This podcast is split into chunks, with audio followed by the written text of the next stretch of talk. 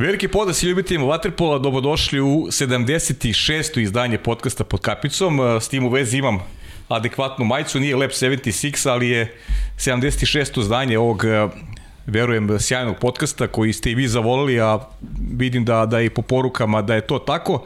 E, prošle nedelje smo imali u gostima najtrofejnijeg hrvatskog vaterpolistu Mara Jokovića. Ove nedelje imamo čast da ugostimo najtrofejnijeg crnogorskog vaterpolistu svih vremena Amirka Vičevića, Čovjeka koji je od skora i trener Crvene zvezde, čovjeka koji je zadužio jugoslovenski vaterpolo, čovjeka koji je osvojio sve što se može osvojiti na repestivnoj sceni i bit će na veliko zadovoljstvo da eto ispričamo njegovu e, životnu priču i da razgovaramo sa njim o svim vaterpolo temama. Ono što mene raduje posebno, e, Sara se vratila u studio. E, imate ovako više vrsta ljudi, imate ljudi koji skupljaju značke, koji skupljaju salvete. E moja draga Sara, ona skuplja, ona skuplja koronu i ima ima ovaj u vitrini dosta virusa prikupljenog, sada je ozdravila konačno i vratila nas u studio. Ćao Saro. Divno si ju najavio, ne moram ništa više da kažem. Ne moram da se pravdam što nisam mogla da budem tu, ali stvarno se nadam da više neću odsustovati. E, ništa, prelazimo odmah e, na pitanje. E, dobar dan i dobrodošli. I evo prvo pitanje, kako se osjećate u ovom našem studiju? Hvala na pozivu, zadovoljstvom sam gost ovako već 76 ovaj, emisije, jako mi je prijatno, ugodno, jedva čekam da krenem. Evo odmah ide pitanje, e, Beograd, Crvena zvezda, kako je došlo do te odluke, otkud u Crvenoj zvezdi? Pa do odluke nije došlo, nije došlo baš ovako brzo kao što to možda izgleda i spontano, to je u više navrata sam ovaj, razgovarao i znao i pratio što se dešava u Crvenu zvezdu, da napomenem da moj angažman u Waterpolo Akademiji Kataro jedna od prvih stvari koje smo uradili je bilo da smo postali pobratimljeni klubovi sa Crvenom zvezdom. Tako da smo radili razmjene od najmlađih kategorija do onih juniorskih da smo bili u stalnom kontaktu, pratili i poraze i uspjehe što je važnije i jednog i drugog kluba. Tako bio sam, što se kaže, stalno obaviješten, imao sam, interesovao sam se i pratio sam sa velikim zadovoljstvom sve što se u Crvenoj zvijezdi radilo. Tako da je i ova jedan nastavak saradnje sada u drugoj ulozi i baš se radujem. Prihvatio sam taj dosta izazovan, dosta izazovan poziv. E, spreman sam, došao sam u Beograd i mislim da smo krenuli u jedan, jedan zadatak koji, koji je pred nama i do kraja godine da ćemo ga i realizovati. E, Mirko Viktora poznaješ dugi niz godina i celu ekipu koja je, koja je oko Crvene zvezde i u Crvenoj zvezdi.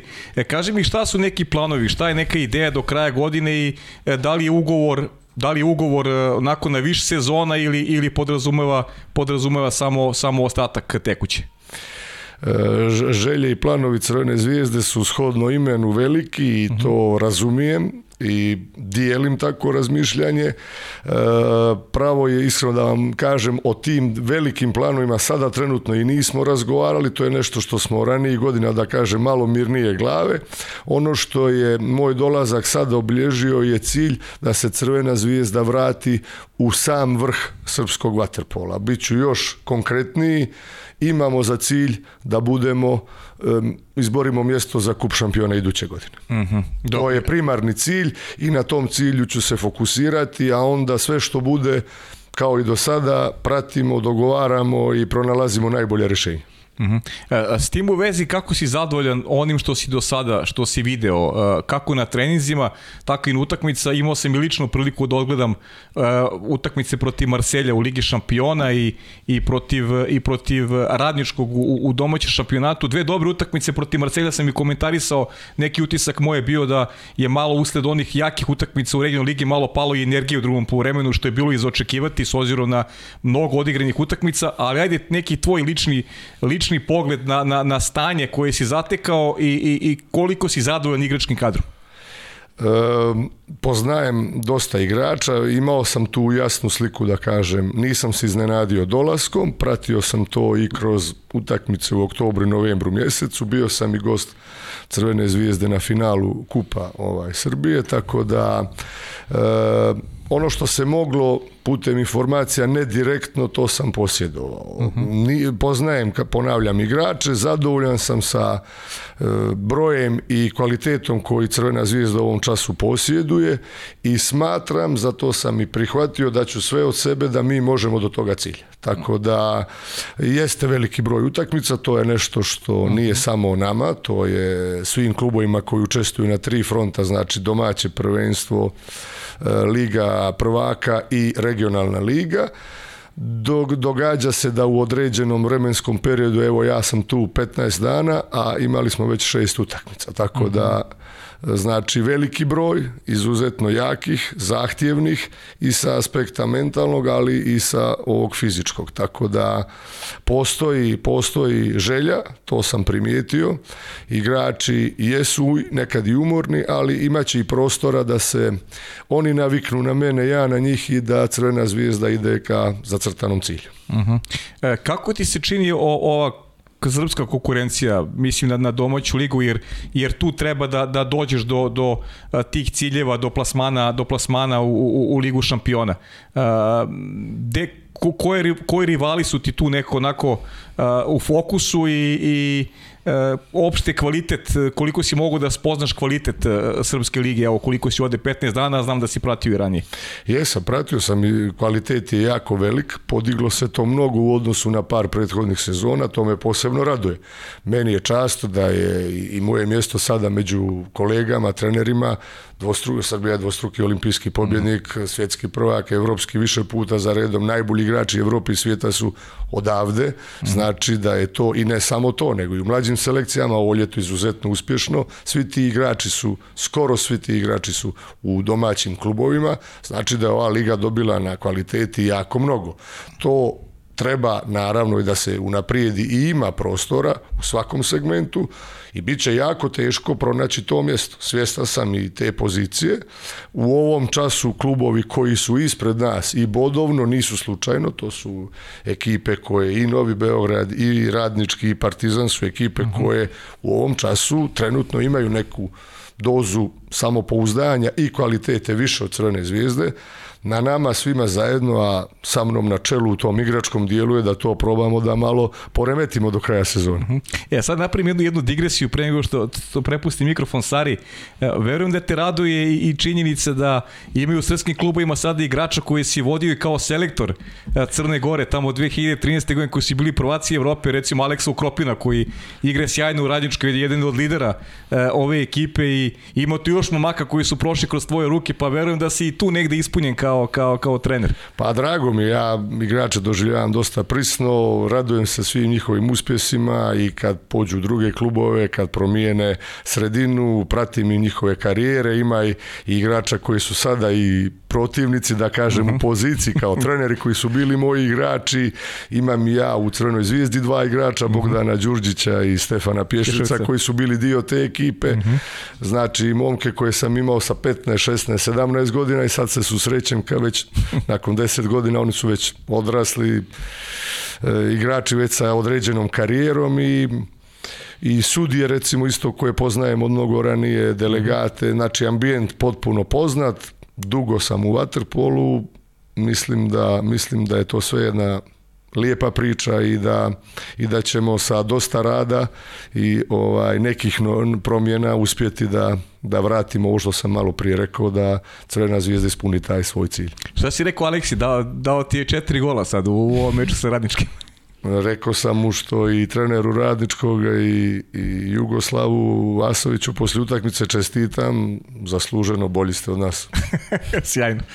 Hoćemo, Sarice, da se vratimo na, na početak Mirko. Hoćemo, naravno. Nama je također drago što ste evo došli u Beograd i naravno nama ostaje da vam poželimo sreću do kraja sezone i najbolje moguće rezultate. E, sada se vraćamo na početak e, vaše karijere, igračke pre svega, tako da idemo u Kotor. vi ste napravili manji uvod pre samog početka emisije gdje ste pokušali da, da nam dočarate to kako je zapravo Waterpolo došao kao eh, logičan sled događaja, eh, pa evo najbolje bi bilo da vi sami ispričate eh, o toj Waterpolo istoriji vaše porodice. Pa dobro, vraćanje unazad je uvijek tako malo interesantna pojava. Mhm. Ovaj, ja sam počeo da se bavim praktički svakodnevno vaterpolom neke 73. godine pred polazak u osnovnu školu, što ovako može se reći da je to skoro pa 50 godina da sam, da sam svakodnevno u ovom sportu. Sa velikim zadovoljstvom uživam u tome i iskreno to je možda i, i najveća slabost. Ja bez vaterpola sada nisam u stanju. Znači nisam u stanju da funkcionišem. Imao sam par, par situacija u kojima sam razmišljao o eventualno nekom privremenom udajavanju, ali nisam uspio. E, nije to čudo, Kotor je grad Vaterpola, to je sport broj 1, tako je od, od da od kad znam za sebe, tako je bilo i mnogo prije mog rođenja. U pravu ste, u mojoj kući je to sport koji je dio tradicije, sport koji je svakodnevnica od praktički od prvih početaka vaterpola u, tom gradu. Znači, moj djede je bio igrač, prvotimac, prvotimca 30. godine. Primorac je 22. osnovan. Kasnije mi je otac igrao i stric dugo, bili su kapiteni, kasnije treneri, ja i brat smo krenuli od prvih svojih dana, znači od 5-6 godina pa do kraja karijere bili vezani za taj mhm. klub, vezani za taj grad. Raduje me da su i naši sinovi, evo i moji i od brata mi, isto vaterpolisti igraju, evo moj je sad kao malo stariji i nastupio, igrao crnogorsko prvenstvo, znači četvrta generacija u istoj kući i to je ovako čini nas ponosnim sa svom odgovornošću što to prezime i nosi. Mhm.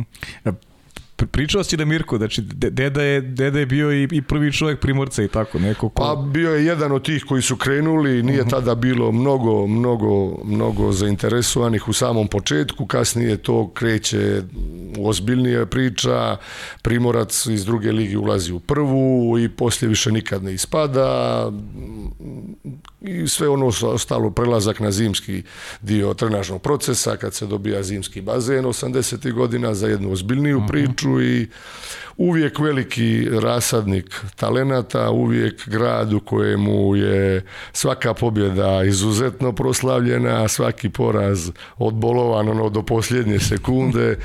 Grad koji je živio za, za, za taj vaterpolo živi i danas uz, sve promjene i novitete koji se dešavaju, ali nešto što je sigurno DNK svakog rođenog otoranina. Mhm. E, pa evo, prvi vaš e, veći uspeh jeste bio upravo ta, e, prvenstvo i kup Jugoslavije sa Primorcem. 86. godine, ako se ne varam, pa ajde da nam ispričate te vaše prve doživljaje, doživljaje i, i prve medalje koje ste osvojili sa Primorcem. Što što nije bio lak poduhat u to vreme, biti šampion države sa Primorcem u vreme kada dominiraju mladost, Partizan da. i Jug. Tako je, to su, to, to, to, su e, početak 80-ih je donio malo, malo promjene u, tadašnjem ovaj, jugoslavenskom vaterpolu, jer su 60. i 70. godine bile potpuno dominacija Beograda i Zagreba mhm. i 80. godina se ponovno pojavljuje jedna velika ekipa Juga, mhm. Pojavljuje se izuzetno kvalitetna ekipa Poška i Splita mhm. koji su bili naši najveći rivali upravo te godine kada smo mi osvojili prvenstvo. Eh, prvenstvo je bilo jako, jako zanimljivo. Direktni susret ili sudar eh, Kotora i Poška bio je u korist Poška praktički se rješavalo sve na utakmicama protiv Dubrovačkog juga s Partizanom u Beograd i te godine izuzetno jakom ekipom Mornar Splita. Mi smo uspjeli da u tim okršajima ovaj, skupimo, da kažem, više bodova, iako je definitivno nerješeni rezultat Poška i Zagrebačke mladosti u Šibeniku, jer Split nije imao na raspolaganju zatvoreni bazen, bio ta prevaga koja je i naravno neriješeni rezultat sa Jadranom iz Hercegovog, koji je u pretposljednjoj utakmici prvenstva odigrao donio razliku da mi u stvari nadoknadimo nadoknadimo taj derbi koji smo upravo sa njima ovaj u prvenstvu izgubili. To je bila baš veličanstvena proslava, jedna možda od, najvećih ovaj, koje, koje pamtim. To je cijeli grad je cijeli grad je slavio i ujedno mislim da i u okvirima one bivše velike države nije bilo sportskog kolektiva čiji igrači i stručni štab su svi iz istog mjesta, svi iz istog kluba e, ponikli od pionirskog do seniorskog tima i ipak iz jednog malog mjesta u odnosu na centre protiv mhm. kojih smo igrali. A, ali imamo sad ja dobru informaciju e, da 84. kad je otvoren bazen Nikša Bućin da si ti bio prvi koji je, koji je skočio u bazen. To je dobra informacija, ne znam ovaj, gdje ste to uspjeli, da to se malo ko više sjeća, nije to nešto, ovaj, da kažem, bilo ni, ni, ni specijalno važno, ali bio sam prvi koji je uskočio, htio sam da budem prvi koji je ušao, mnogo smo taj bazen čekali, a bio sam i cijeli dan na popodne na bazenu jer sam pomagao, to su bile tada još u modi radne akcije, onda smo mi kao mlađi nešto i pomagali, čistili, donosili, to se ovako malo, da kažem, i ubrzalo se to otvaranje da bi vaterpolo mogao i ekipa prva da uskoči, tako bio sam spreman i, iskoristio sam tu šansu. Sjajno. Ajde kad si, rekao malo pje, stvarno je nevjerojatan podatak da, da iz takvog malog, malog mesta iz Kotora koji je onako prelep, prelep jedan, jedan gradić, E, da, da je izniklo toliko, toliko igrača, pa možeš malo da evociraš uspomene na, na te trenere koji su, koji su vas vodili do titule i, i igrače sa kojima, si, sa kojima si delio lepe i, i, loše trenutke tih godina, da se malo posjeti šira javnost, pogotovo mlađi koji, koji ne pamte toliko. Pa to, je, to jeste jedna interesantna stvar, ovo što sam napomenuo, da su igrači ponikli u pionirskim selekcijama i da smo se pratili sve do, do seniora. Neki su bili moji idoli kad sam ja počinjao da mhm. dolazim na bazen, da bih kasnije sa njima i osvojio to prvenstvo. Otac i stric su bili treneri koji su vodili, tako da sam ja vaterpolo mhm. imao. Pavle i Slobodan, da. Nakon, nakon, nakon, da kažem, bazena i treninga, ja sam ga imao i kući. Bilo je tu i naravno i napetih situacija, ali i komičnih i sve ono što se preživljava ne samo na, na, na dijelu koji je vezan za direktnu utakmicu i bazen, nego još se onda to prenosi i na kućnu atmosferu. Pa bilo je tu igrača i člana uprave koji nisu više među nama i nisu mhm. živi i svakako veliki reprezentativci Zoran Đimi Gopčević, pa Veselin Marković, nažalost i moji vršnjaci, Draško Krokapić koji nije više živ, e, Ranko Perović koji je sada trener, mhm. Emil Nikolić koji je u Šapcu, Zoran Kovačević, e, da, da nekoga, ovaj, da neko Zoran Nikčević koji je bio mhm. izuzetan strijelac i mnogo doprinio da mi te godine osvojimo prvenstvo i kup kasnije koji je mhm. ovaj bio. Znači, to je bila jedna interesantna ekipa jer ne samo da ponavljam da su oni bili sve kotorani, nego je nevjerojatno da smo mi uspjeli da u nevelikom broju imamo i rješenja za sve pozicije.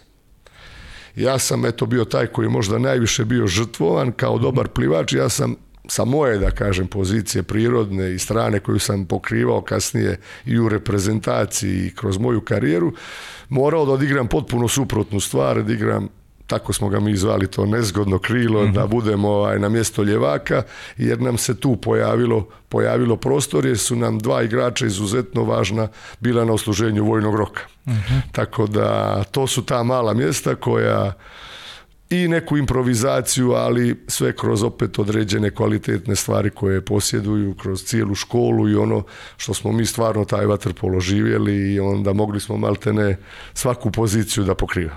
Mirko, malo sam dosta na šta me zanima, kako ste improvizovali dok nije izgrađen bazen Nikše Bućine? Gde se treniralo? Gde ste trenirali ti stari? Kako ste se dovijali sa, sa treninzima kada, kada, u, u, tu vreme kada, kada niste imali bazen u Kotoru? E to mi je baš ovako lako da se podsjetim jer smo mi praktički prije dva mjeseca ponovo dobili taj bazen. Pet godina ga opet nismo imali. Mhm. Znači išli smo na treninge u Kupare, to je jedno mjesto prije Dubrovnika, pa smo išli u Mline, u hotel jedan na Stareju, pa smo išli za Titograd koji je tada imao uz veliku moraču i salu, imao je bazena, ali nije imao prevelike korisnike. Pa smo mi išli iz Kotora u Tit, pa smo išli na Cetinje u hotel Grand, pa se onda kasnije prebacivali u Risan u hotel Teutu, znači toliko putovanja i toliko ovaj, tih putešestvija, da je to naprosto, ma mislim da je to za neki drugi grad i za neku drugu ekipu i nemoguća misija. Ja mhm. sad kad to sagledam unazad i sada ponovo četiri i po godine smo mi išli za Budvu koja je mnogo bliža nego sve ove mhm. destinacije. Ali sa današnjim saobraćajem i sa današnjim obavezama koji i mlađi sektor i prvotinci imaju, vjerujte, evo baš se nekad tu ovaj, onako zapitam da li je to stvarno moguće da smo mi to sve uradili i mhm. izdržali. Mhm. Tako da trenirali smo kako smo mogli, išlo se autobusom svaki dan na večernji trening. Kad treniraš dva puta dnevno, znači ideš pre podne, pa se vraćaš pa nismo to, na te, na te distance to je bilo nemoguća misija, neki stariji i, bez, i koji su bili u mogućnosti i koliko je klub mogao to da izdrži bi recimo četvrtak do neđelje ostajali, pa bi imali u neki hotel uh smještaj i tako pansion, pa su mogli onda dva puta dnevno trenirati, mi koji smo išli u školu i koji smo bili, to bi bili uglavnom večernji treninzi. E, pa i važilo je pravilo da smo eto uvijek bili nekako manje, manje spremni plivečki i to, ali da smo znali da i to onda da nadoknadimo na druge načine. Mm -hmm. Ok. Izvolite. E, ja prelazim na prvi nastup za Jugoslaviju. Ratko Rudić e, je neko ko je prepoznao vaš talenat. E, svetsko prvenstvo u Madridu 86. Ako se ne varam, vi me ispravite. Pa kako se sećate tog prvog poziva? Da li ste, koliko ste čekali na to prvi nastup, prva utakmica? Da li, da li možete da evocirate uspomene na taj period? I da li si očekivao uopšte tako nešto, kao mlad momak? Pa ovako da, evo, ovako da malo se vratimo u to. To jeste bio prvo veliko zvanično takmičenje i to ste u pravu, to je bilo svjetsko prvenstvo u Madridu. Međutim, ja sam praktički 83. znači tri godine prije tog mhm. prvenstva nastupao svako ljeto za sve mlade selekcije koje je Jugoslavija imala i bilo je nekako i za očekivati normalno da smo u nekom širem spisku, ne samo ja, nego svi igrači iz te generacije. I išli smo na ta omladinska prvenstva, što je evropska, što svjetska. 84. godine sam bio dio, iako najmlađi, ubjedljivo najmlađi, mlade reprezentacije Jugoslavije, koja je sa, osvojila srebrnu medalju na Europskom prvenstvu na Tenerifama i to je u biti bila kasnije okosnica one SFR i one Jugoslavije u kojoj sam ja upao kao igrač, 86. isto kao najmlađi. Mhm. Ali da budem iskren, nisam, ovaj, nisam se iznenadio, očekivao sam i moram priznati, evo sad se s ove distance to i može, ovaj, i bio sam čak i malo ljut kada u prvoj varijanti nisam bio dio tima Bio sam razočaran. Mhm. I ljut na Ratka i na stručni štab, jer sam smatrao da sam i to ljeto i kroz prvenstvo koje smo osvojili sa svim igrama, to bio zaslužio, to je bilo moje mišljenje. Ja u biti nisam zvanično nikad bio van tima, ali je bio turnir pred svjetsko prvenstvo na koji je pošla čuvena 13 i ja nisam bio tu. Meni je mhm. saopšteno da sam ja da je tim još od 14, da se još nije to odredilo, iako je to meni bilo potpuno jasno da ja nisam jedan od tih odabranih. I desi se na tom turniru, znači 10 dana pred svjetsko prvenstvo u Madrid, da najbolji igrač svijeta, naš najbolji igrač Milivoj Bebić, slomi ruku, dobije toliki povredu udarac koji praktički ga je onemogućio da on nastupi na svjetskom prvenstvu. I stvarno onda ja kao jedan od 14 postajem i sa brojem kapice i to sedam koju je nosio Milivoj Bebić prije toga. I onda sve već je išlo mnogo lakše i mnogo ljepše jer se osvaja svjetsko prvenstvo i u nevjerovatnoj utakmici koju i, i dan danas mnogi ljudi, eto to sam imao ovih par dana u Beogradu ovaj, susrete sa par starih ljudi koji pamte još što su radili taj dan kad je to trajalo finale tri sata i, i onda su mi rekli znaš ja sam taj dan bio tačno sam nosio to i to tu sam bio to je ostalo tako zabilježeno jer je bila jedna ljetnja ovaj, noć avgustovska i trajala je utakmica do ponoća ili ne znam ni sam kad je završila znaš kako Igor Milanović je tu sjedio pa ne je kaže ja ceo život od 86. slušam svakog ponosob gdje je bio u vreme dok sam ja davao onaj gol. E, to je, pa, to je to. Onaj gol u finalu. Potvrđujem. Da, a znam da si ti ovaj, dao možda i najdrži gol u karijeri upravo protiv Italije u tom finalu i da si dao golove široj javnosti, ja znam, ja sam, bio sam onako, bio sam, bio sam klinac, ali pričali su stariji E, pojavio se Mirko Vičević je onako neka šira javnost i nije toliko znala kao neki drugi igrači, ali si ti na tom prvenstvu se nadavao golova, pogotovo u tom finalu, u tom finalu protiv Italije. Pa ajde malo neki tvoj pečat a pa dobro ja ovako sad sa distance, to je uvijek nezahvalno pričati što sam da. mogo i što nisam. Ovaj, bilo je stvari koje sam htio, a nisam ih ovaj, realizovao, ali mhm. ajmo ovako sad iz da budemo maksimalno realni, to je možda i nešto što me krasi, ovako da kažem, najviše. Nisam bio loš šuter, evo, to ću da kažem. Nisam bio, nisam bio loš šuter, imao sam dobar, dobru realizaciju. I onda u jednoj vrhunskoj ekipi kad se takve stvari prepoznaju, onda je to i mnogo lakše. Neki stariji u prvobitnim varijantama su i više bili pokrivani, sigurno, što je mhm. dalo prostor nama mlađima, pa na toj utakmici finala, sad je to već mnogo, mnogo godina unazad, pa recimo Anto Vasić je dao četiri gola, to, i to su bili sve šutevi neviđene kvalitete i preciznosti.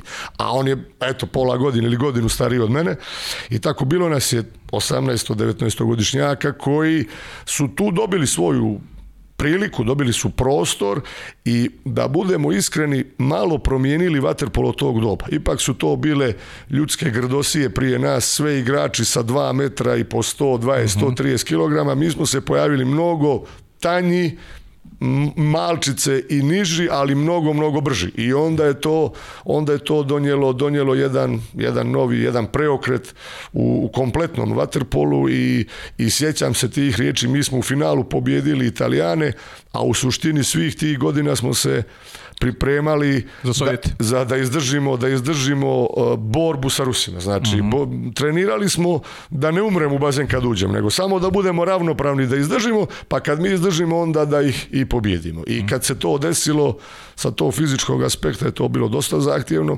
Kad se taj prelaz desio, e onda ta reprezentacija ovaj, dugo, dugo je poslije, evo i dan danas je ta škola i, i, i ta vrsta igre dominantno osvaja medalje. Uh ja ću odmah da pređem na te olimpijske igre u Seulu i nešto što je definitivno obeležilo vašu karijeru. Pre nego što se osvrnemo na, na te Sjedinje američke države, grupnu fazu i samo finale, e, pričala sam mnogo o tim pripremama. 97 dana su trajale pripreme i preko 40 odigranih utakmica. Mi danas imamo slučaj, e, sam Dejan Savić nam je pričao ovde o pripremama koje je reprezentacija Srbije imala, gde nisu mogli da se sklope, e, pripreme su trajale dosta kratko. E sad nas zanima taj E, trenutak da pripreme traju toliko dugo, toliko odigranih utakmica, e, da li je to naporno, da li je to onda e, plus u tom smislu da ste dodatno pripremljeni ili ste izmoreni ili kako to utiče na čitavu ekipu, kako se vi slažete,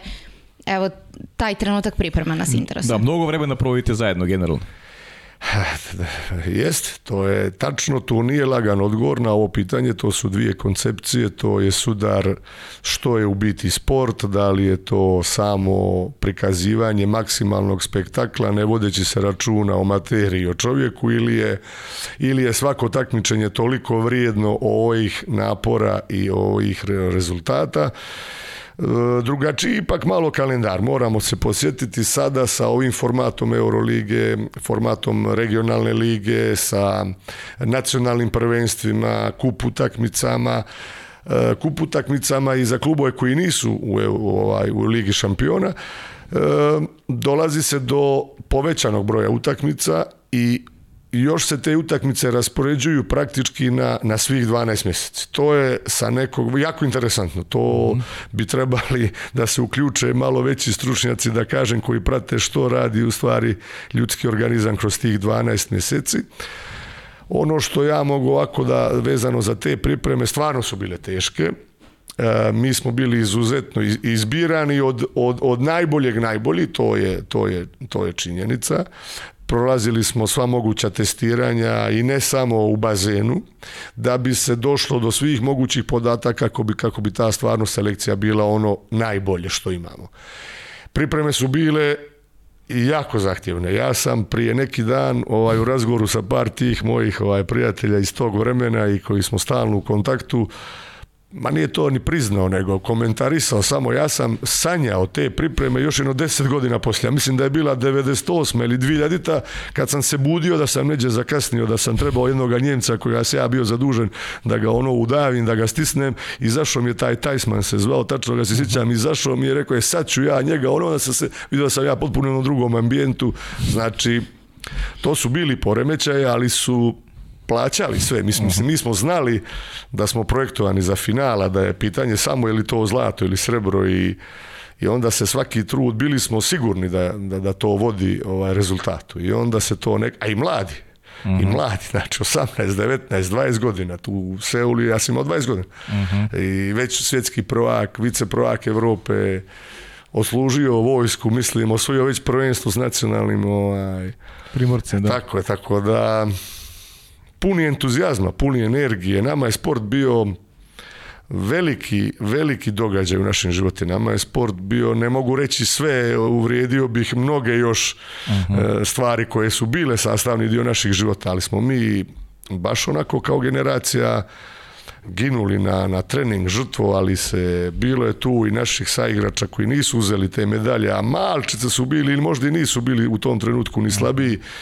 Tako ja se i njih nekad sjetim kad, ovaj, kad ono razmislim i kad mi je bilo teško, ja kažem koliko i njima bilo teško, pa nemaju takvu satisfakciju. Znači, ogromno, eto baš bio sam zaboravio da je 97 dana, ali ovaj, vjerujte da sam svaku noć ono...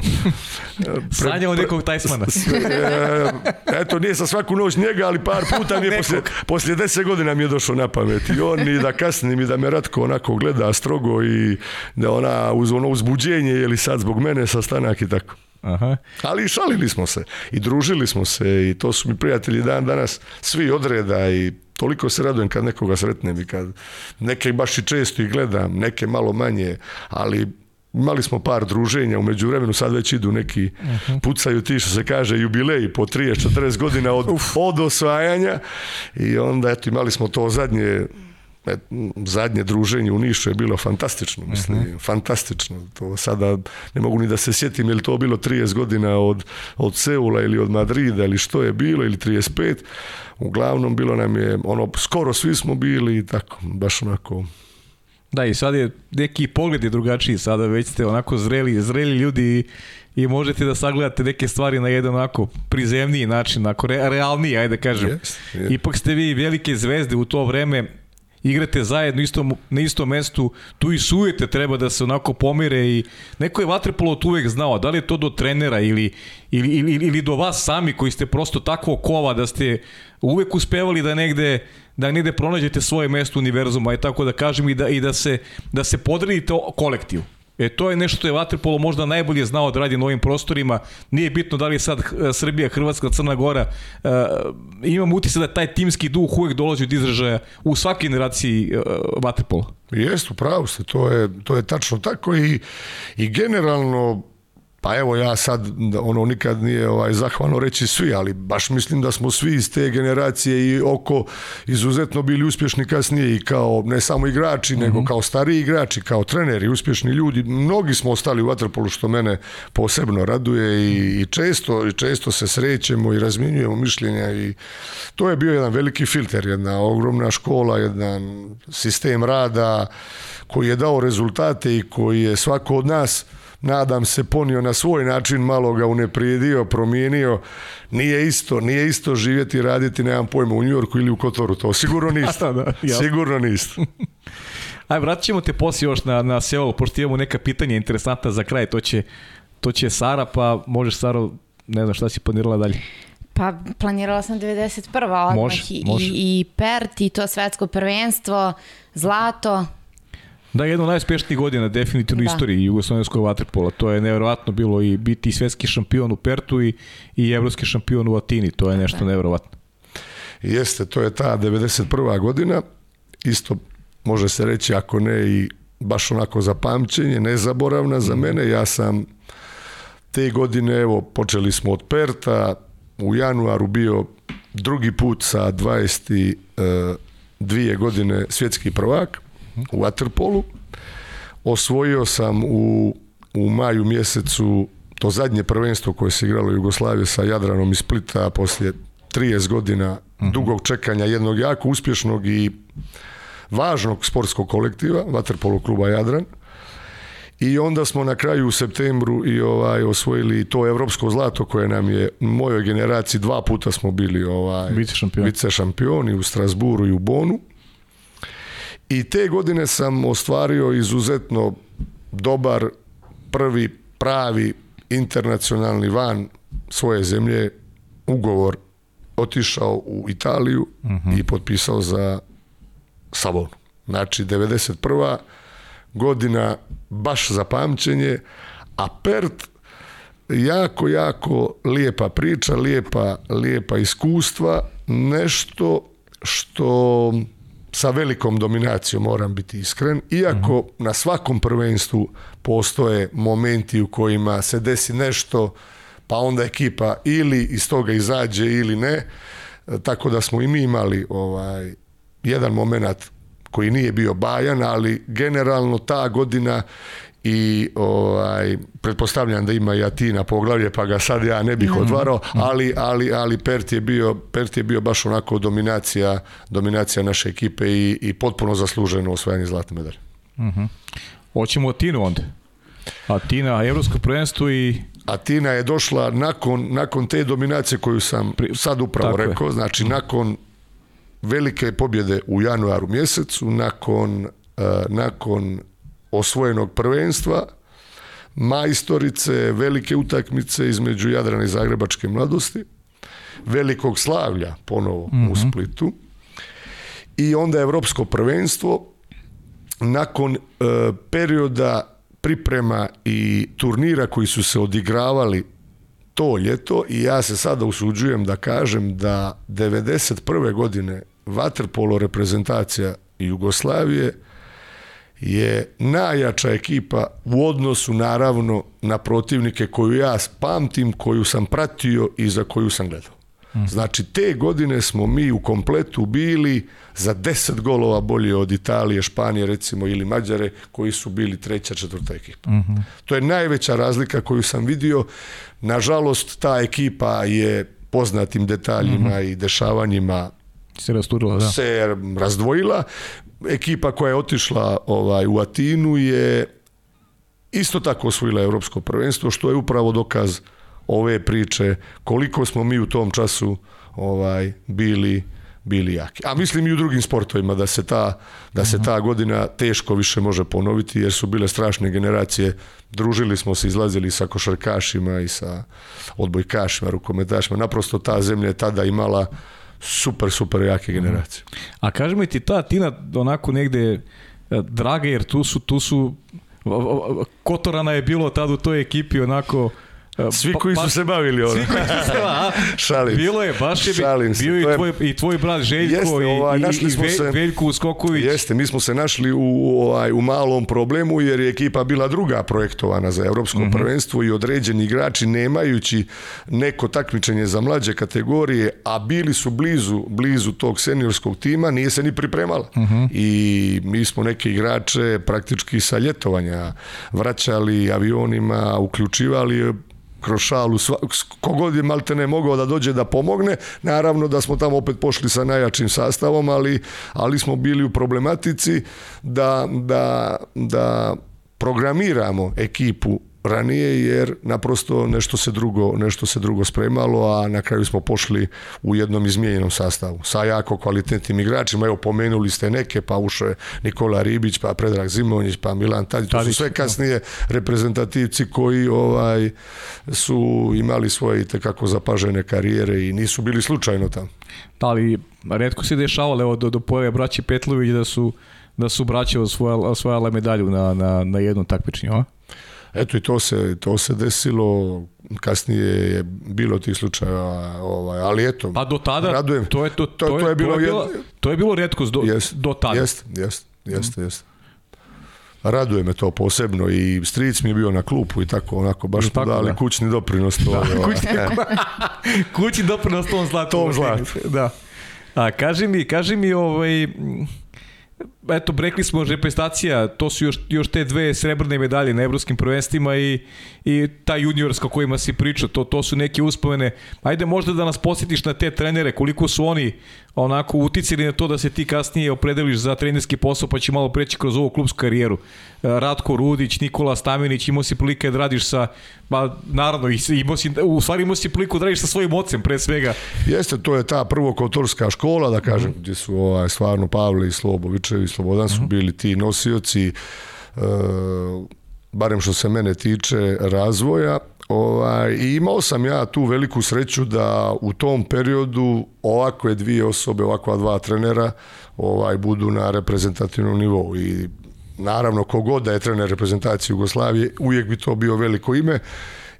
Iskreno ova dvojica su opet nešto posebno mhm. i Žao mi je da sam sa 23 godine praktički ovaj, i prekinuo kasnije opet sa jednom epizodom se vratio u mhm. reprezentativne vode, ali smatrao sam da i smatram i dan danas da sam mnogo još da dam ovaj, reprezentativnoj ovaj, karijeri i tim uspjesima naprosto i godine sankcije i poremećaj koji su u sportu ovaj, nastali, a i opredjeljenje da igram u, u Italiji su mm. imali određenu cijenu i, i ovaj, kasnije sam se odazvao i bio na olimpijskim igrama u Atlanti sa mm. rezultatom, ali kako smo pošli i što smo imali na raspolaganju, nije ni to neuspjeh.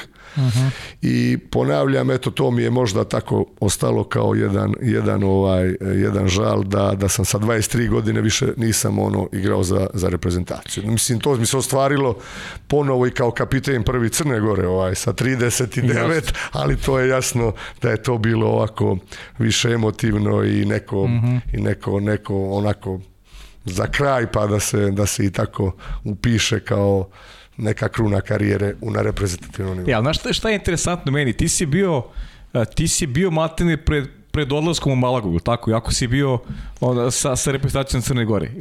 to tačno da si... Da si... Ne, ovako, da budemo potpuno iskreni, ja, sam, ja sam igrao to prvenstvo B kvalifikacije, jer mi smo kao nova okay, država morali da prođemo kroz mm. kvalifikacioni turnir Isto to prvenstvo smo i 96. igrali s Jugoslavijom, morali smo na Maltu da mhm. osvojimo, ovaj, da bismo se vratili ponovo u taj krug najjačih i kvalifikacije za olimpijske igre. I pošto je to bila 2007. godina, ovaj, e, cijelo to ljeto, da bi se tek 2008. išlo, ovaj, nisam... Imao sam ugovor sa Savonom i, i ovaj, nekako sam odlučio da je, da je došlo vrijeme Mhm. da je došlo vrijeme i iskoristit ću tu igračku varijantu da, da se oprostim kad golman kaže pokri ga, nego da se opraštam kad mi svi viču pušti ga. E, tako da, ovaj... da, da, da, Bilo je, bilo je vrijeme da, da se nekako na jednom određenom nivou i prekine.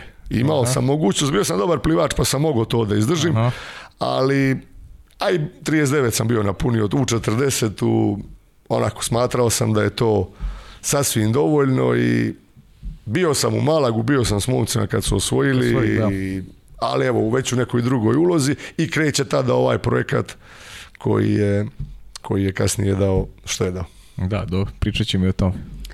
Ja bih se to osvrnila i na taj splitski Jadran. E, vi ste bili tu, e, te 91. E, posle toga ste otišli u Italiju. Kako se sećate tog Splitskog Jadrana i da li vam je ostala žala zbog toga što niste to osvojili tu evropsku titulu te godine? Pa da vam kažem, kad, nisi, kad, kad nije neko osvojio taj ovaj kup šampiona, to je sigurno nešto što bih volio da imam. taj Jadran Splitski je bio ekipa koja ima jaku tradiciju, koji je klub sa velikim željama bio i par godina prije nego što se krenulo u taj veliki projekat, a veliki projekat je krenuo prelaskom e, Vlahe Bata Orlića mhm. iz Beogradskog partizana u Split. Mhm. Inače, ta 89. godina, kada taj projekat kreće u, u svoju realizaciju, je bila godina u kojoj se dešavaju velike prvi put promjeni neko tržište, neki merkat, vaterpolo igrača i Igor Milanović prelazi iz Beograda u mladost. Anto Vasović iz Partizana u Jadran Splitski. Ja sam bio već u polu nekoj dogovorenoj varijanti sa Partizanom iz Beograda. Ja sam iskreno htio da idem u Zagrebačku mladost, to mi je bilo najprimamljivija ovako sportska priča. Andrija Popović iz Kotora, golman je godinu mhm, dana prije toga kao reprezentativac išu u mladost i pojavljuje se Bato Orlić i seli se u Split i kaže, pa dobro, evo, znam za Partizan i tako, zašto ti ne bi i sa nama razgovarao? I ja krećem na taj razgovor i u tom razgovoru biram Jadran. Anto Vasović, Renco Posinković iz mhm. Mornara prelazi u Jadran i počinje tako da se stvara taj rivalitet između 4 pet klubova i stvarno to prvenstvo i 90. i 91. je bilo potpuno neizvjesno Znači, tu apsolutno svi pet klubova koji su borili se do kraja su mogli da budu prvaci. Mhm. A žao mi je da nisam, da nisam osvojio prvenstvo i ova, Evrope sa Jadranom, jer sam ja te godine igrao protiv Jadrana u finalu sa Savonom, a isto tako mi je žao i da ga sa Savonom nisam osvojio. Mhm. ovaj, eto, ali to su bili klubovi koji E, nisam mnogo ja igrao puta u kupu ovaj, prvaka ili šampiona, jer klubovi gdje sam ja osvajao nacionalna prvenstva ovaj, nisu klubovi nisu klubovi neke velike tradicije tih finalnih susreta, to su bili neću reći outsideri, ali su bili klubovi koji su nakon dugo godina ili prvi put ili nakon dugo godina bili prvaci e, države iz koje potiču. Tako da i Savona i Breša kasnije, pa i Jadran Splitski kao i, i, i, i Kotor su bili klubovi koji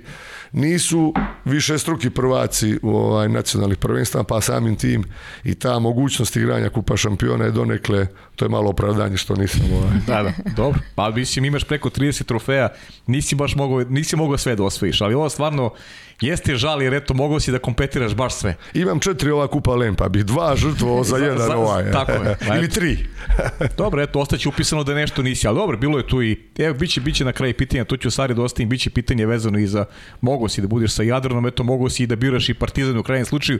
Kaži mi, li ima neka da, da ti žalo što nisi prihvatio neku, neku ponudu? Siguran sam da ih je bilo kroz, kroz karijeru i tekako. Sad s ove distance, kad, ovaj, e, kad je sve prošlo. Ne, ne, nema. Nema, ne, nema. Iskreno sam ovaj... Birao si srcem i onako kako si tim mislio da je tako je, tako je i vodio sam se i nekim principima. Mhm. Imao sam možda u jednom trenutku boljih ekonomskih ponuda sa jedne strane, a mhm. manje kvalitetnih sa aspekta sportskog i, igračke karijere. E, birao sam cijelo vrijeme da na prvo mjesto bude sportski rezultat i nikad nisam pogriješio. Vodio sam se da je jako važno i ko je trener u te ekipe, pogotovo u talijanskom prvenstvu, i kakve su ambicije te ekipe, kako se trenira da bi mi karijera bila toliko duga i uspješna, što mislim da je bilo presudno. A novci jesu interesantni i, i u ovoj našoj mizeriji, u našem ome malome su posebno važni, posebno u tim teškim vremenima ali meni nisu bili presudni i mhm. iskreno da kažem mislim da sam baš ovaj radio ovako dobar odabir i da sam imao sreće a pa eto, nadam se i da ovi koji su, koji su me birali da su ostali na kraju zadovoljni. Uh mhm. -huh. E, me zanima, pa, ok, Pavle Slobodan, to je, to je neko i kućno i vaspitanje i neko ko, e, naravno ljudi koji su najviše uticili na tebe, to je popuno razumljivo, ali sad si naveo si kroz priču Vlah, Orlić, Radko Rudić, Nikola Stamirić, kako ih ti negde selektirao? Ko je najviše uticao na, na, na tvoju karijeru? Ko ti najviše, da negde pomogao? Ko, te, ko je najviše prepoznao neki tvoj talent? Ako uopšte možeš da, da negde onako ta, ta tri negde da kažemo onako te vrhuške kada govorimo o, o sportu negde da ih, da ih uopšte selektiraš? E, to bi bilo potpuno nezahvalno, nemam taj kapacitet iskreno da budem, evo neki nisu ni, ni, nisu ni među živima. E, imao sam ja još tu par trenera koji bi svakako, Super, svakako mm pomenuo, to mhm. je prvo imao sam da idemo i hronološki nekako i Nevena, i Nevena Kovačevića a i Bruna Silića u Jadranu, pa sam onda imao u Savoni Klaudija Mistranđela koji je 30 mhm. godina vodio i od te Savone napravio Savonu, pa sam imao Enca Danđela u proreku vrhunskog talijanskog i trenera i igrača, kasnije sam imao Zorana Mustura, mhm. također osvajač olimpijske medalje, trenera koji je sa Brešom napravio to što je Breša mm u mhm. stvari sada. E, znači, sigurno jedna plejada vrhunskih ljudi, poznavaoca Vaterpola i sa svakim od njih mogu reći da imam izuzetan odnos i da ih mnogo cijenim. Oni su u biti to veliki dio zašto je moja karijera e, tako išla i kako išla. Mhm. I nagrade koje sam dobijao su ujedno bile i njima priznanje za dobar rad, to je sigurno. Ovo jeste sam vrh svjetskog vaterpola svih vremena što ste pomenuli i nisam tu apsolutno pozvan, niti bih se usudio da ih upoređujem, niti da ih mjerim. Mhm. Ja mogu reći tako skromna iskustva sa e, njima, to, vezana isključivo za mene. Mhm. Znači, e, to su potpuno dvije ovaj, e, različite stvari. Ja mislim da kao igrač sa Ratkom Rudićem sam progovorio što se kaže, mislim tri put u, u tri godine i to četiri riječi. Jedan mhm. put se sjećam da me pitao Mirko kako je u liftu i ja sam se bojao, a i bio sam ovako malo vragolana i predostrožan, ovaj, ja nisam odgovorio, sam sam uradio glavom, ako sam rekao, mislio sam odmah u tom času, ako kažem da je dobro, znači da nisam umoran, da može jače. Ako kažem da sam umoran, onda znači da nisam spreman. I sjećam se da je od te tri riječi jedna bila ovo, klimanje glavom, a, a druga je bila negdje dobroveče, dobroveče. Znači, to je u tri godine.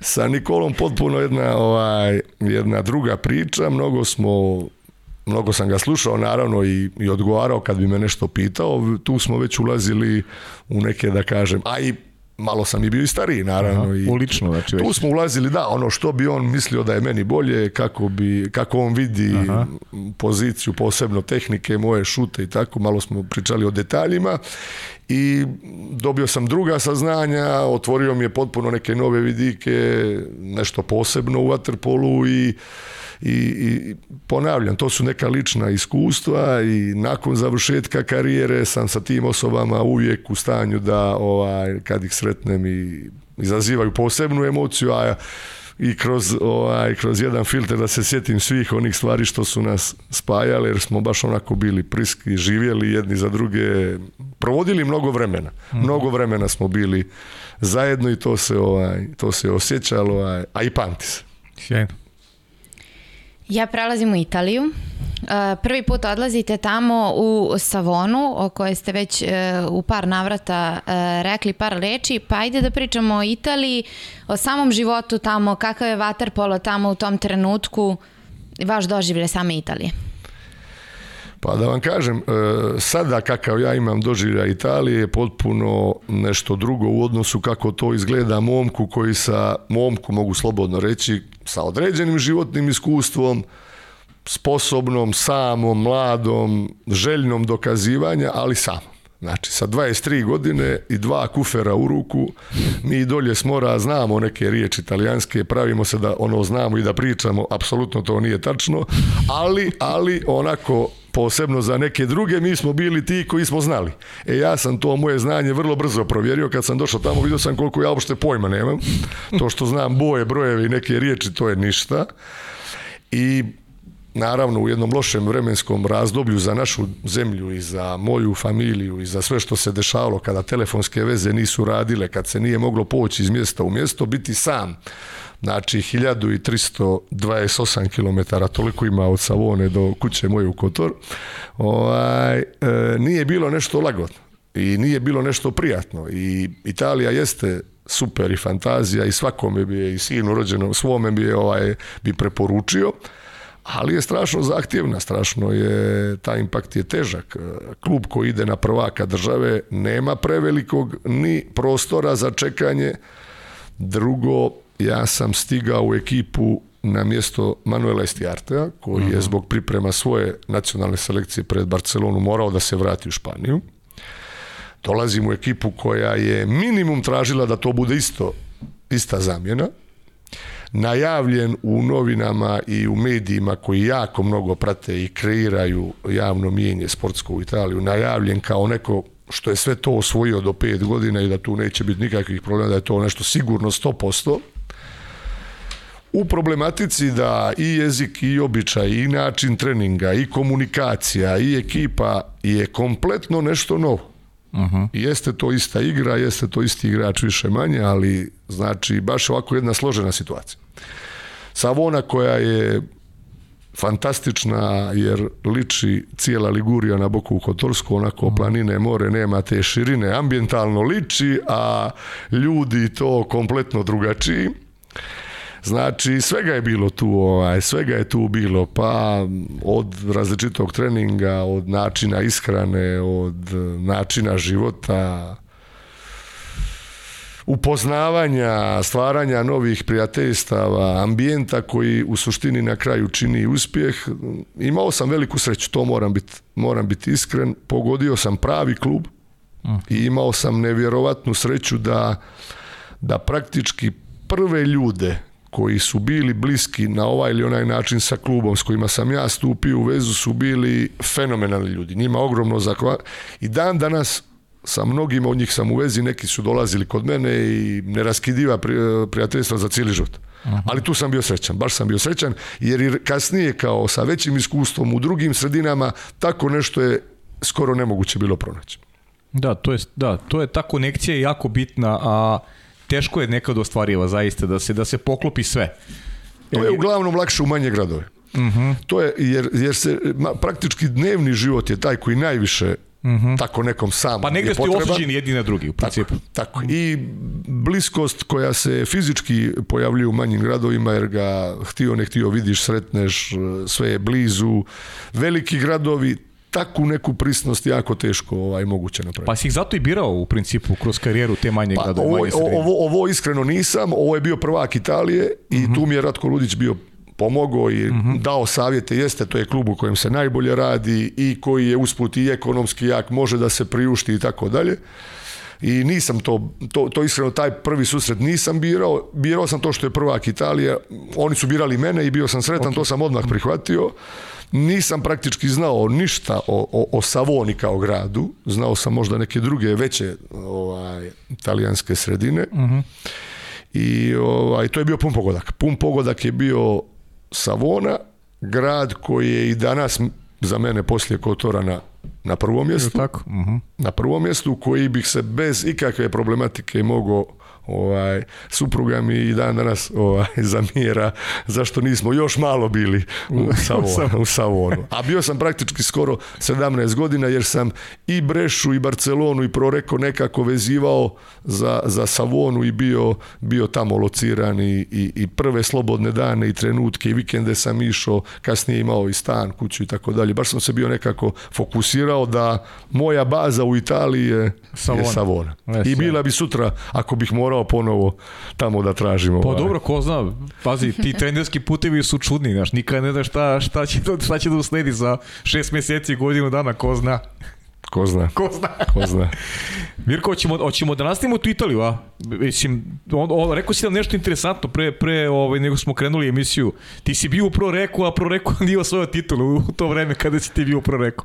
E, pro... Ti si prvi gost koji je ovde kod nas u studiju, a da nije osvajao sa Prorekom titule? Ništa, ništa, ništa nisam s prorekom osvojio. Pa to je bila, interesantne su to bile, to je bila 95. 96. godina, dešava se poremećaj u Savoni. Mhm. Ja sam imao ugovor i mislio sam da ću dostanem još u Savonu, dešava se poremećaj ovaj financijske prirode u, u gradu Savoni, pa samim tim i u Vaterpolu i ja pronalazim u zadnji čas rješenje za jednu sezonu, to je bila Barcelona i nakon te Barcelone moja želja je bila, a mogu reći skoro po svim uslovima da se vraćam nazad u Italiju, smatrajući da je to prvenstvo u tom času i dugi niz godina bilo najjače, sa najjačim ekipama, sa pravim treningom i tako dalje. I ovaj, pojavljuje se Proreko, s kojim sam ja imao nevjerovatno iskustvo, jer sam upravo tu titulu sa Savonom u nevjerovatnim utakmicama playoffa i pobjedama i do samog kraja neizvjesnim, upravo sa Savonom protiv Proreka osvojio, to, to, je bilo, pričamo 92. i 93. To je bilo nešto u pet utakmica. U pet tako? utakmica. Čekaj, tu je bilo igrača, tu je il, il, igro Viktor tu ili... E, to, to je malo ranije, to je malo, ranije, tada za Proreko su tada igrali za čuveni Đonđoš i Mađar. Da. Ovaj... A za Savonu je bilo neko svoji prostora još? Milat, Antonio iz Dubrovnika i ja sam bio mhm, stranac, mhm. bilo je tu Fereti, Averajmo, bili su italijanski igrači, to su mhm. bile izuzetno dvije dobre ekipe. I meni je taj Proreko e, i ovaj na na poziv iz Barcelone da se vratim nazad u Italiju i reko bez obzira što je i on promijenio ekipu, jako mi je zvučalo e, privlačno, a da budem iskren, to je 70-80 km od Savone, ja sam htio opet da se vratim nazad, nekako sam taj grad baš ovaj, htio da budem tamo. Mhm. I kasnije se ispostavilo da od te ekipe Proreka koju su mi oni najavljivali kad su mene zvali da, ovaj, da se vratim iz Španije, 95. nije ostao niko. Ostali su samo juniori i juniori i na mjesto Mšemjeradzea je doveden Ranko Perović, izuzetan centar, mhm jako kvalitetan u tom momentu i nevjerojatno osvježenje za talijanski vaterpolo. Moj saigrač, prijatelj iz mm djetinstva, I svih ekipa Kotora i reprezentacija mhm.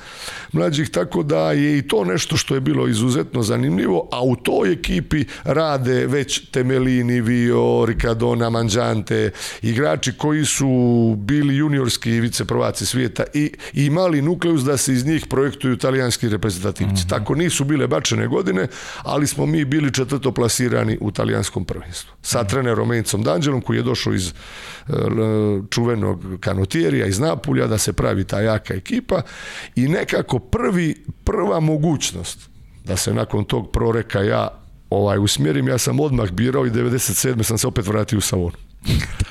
pa, I onda bio, bio, tri, bio tri godine u Savoni, bio tri godine u Savoni i ovaj i onda se pojavljuje prvi put ta, ta realnost breše. I mhm. to je možda najveća neka hazarderska nota ili neka kockarska varijanta u mojoj sportskoj karijeri u kojoj sam ja prvi put vjerovao u jedan projekat i dobro da kažem osjetio vibracije toga kluba jer kad sam ja potpisao za, za ovaj ugovor za Brešu, Breša je bilo u drugu ligu. Breša nije bila niti u prvu ligu. Znači mogla je, ova, igrala je playoff i bila je najbolja ekipa druge lige i bilo je vjerovatno da će se plasirati. Ja sam na veliko ova, insistiranje tog predsjednika potpisao, iako je Breša, Breša bila u drugoj ligi. Tada je igrao Igor Gočanin za Brešu, on je praktički uveo njegovim astorijama, pa 100% znači. I kasnije smo mi bili saigrači i onda se otvara, ovaj, otvara se ta priča eh, Breše i Kaži mi, ti si sad si pomenuo tog predsjednika, čuo sam o, o, njemu onako najlepše moguće priče, da je, da je živio vaterpolo, da, da je jedan unikat kada govorimo o vaterpolu sportu. Si oni koji su prošli kroz brešu u to vreme, da je nešto da je nešto neponovljivo kada kada govorimo o o To je to je to je sigurno jedan ovako baš lik vrlo interesantan lik koji je napravio mnogo dobrog za talijanski waterpolo. Svakako da možda najviše za nas koji smo bili igrači Breši, koji smo tu Brešu ponavljam uz Igora Gočanina ovaj, koji je bio u samom početku i Zorana Mustura kao trenera mhm. svi nas koji smo se u međuvremenu priključivali napravili da ona osvoji vi prvenstvo i postane ozbiljan evropski klub kao što je on evo odlična, odličan moment da se prisjetim ne samo onako velikih trenera nego i velikih ljudi one ju škole uh to moram da, da, da istaknem, ljudi koji su držali cijeli vaterpolo na svojim leđima i pomogli najviše koliko su mogli i znali, a znali su i mogli mnogo, da se održi i seniorska i juniorska reprezentacija tih godina. To su bili Đorđe Predin badža iz mm, Bečeja i e, Vlado Kobešćak iz Zagreba. To su mhm. dvije osobe uz koje bih dodao i gospodina Boga nažalost, od skoro neživoga Pijera Borelija, uh mhm. -huh. direktora te breše, to su bile osobe kojima dugujem uz ove trenere koje sam pomenuo, kojima drugujem taj drugi dio koji su omogućili sa svim onim što čini I pored trenera igrača ovaj vaterpolo tako uspješnim i moju karijeru sigurno ovaj tako bogatom kao što je bilo Da, sjajno. Pa eto, jedino što smo nekako e, preskočili e, jeste ta Barcelona. Uh, u kom trenutku dolazi odluka da, da odete u, sa, u Barcelonu i kakav je život tamo, kakav je vaterpolo? Koliko dugo ste se uopšte zadržali u Barceloni? Ja Jednu sezonu? Ili... Ja sam bio nekih osam mjeseci. E, to je potpuno znači bila ovaj epizoda koju ja nisam niti planirao, niti mogao apsolutno da, da, da korigujem. Ispostavila se jako uspješna i dobra i ona. Iz dva razloga, evo i tu prilike, trener u Barceloni mi je bio čuveni Toni Esteljer koji je mhm. stvorio toliko igrača i sva ova zlatna olimpijska, da kažem, imena španskog vaterpola su i njegovom zaslugom ti koji jesu. E, desilo se zbog te problematike finansijske u Savoni i nemogućnosti ulaganja u, u dalje ovaj u dalje u te igrače koji su bili u tom času tada dolazi Viktor ovaj Jelenić, u Savonu i Ognjen Kržić Mhm. Jer su izgubili italijanskog centra kojeg su imali i tako dalje i onda ja praktički postajem višak jer im treba nešto drugo u organizaciji. I, ovaj, i, naprosto u, par dana se pojavljuje ta Barcelona koja je bila drugoplasirana ekipa, tada je Katalunja bila najbolji ovaj, najbolji mhm. klub sa Draganom Andrićem, Igorom Gočajnom, kasnije su mhm. išli tamo i, i Vladu i Igor Milanović i Barcelona kao grad je izuzetno jaki. Svi klubovi praktički tada iz Španije se ovaj su iz Barcelone. I ja životom Barcelone i svim onim što za nekog momka može predstavljati, mislim možda i broj grad broj jedan u Europi, mhm. to nije sporno, ali za razliku od talijanskog prvenstva to je ipak neko kao gradsko prvenstvo. Ovo je sudar velikih gradova, regija, potpuno jedan drugčiji trenažni proces. E, Barcelona je bila odlična za tih osam mjeseci. Strah me da sam još par godina tamo ostao da bi se moja igračka karijera pretvorila u nešto drugo, ovaj, da, da bih bio u problemu da se sa tim izazovima bolje nosim, a opet sam i mlad i tako dalje i iskreno sam jedva se čekao da se vratim nazad i, ovaj, i uspio sam to da se vratim u, u proreku. Mhm.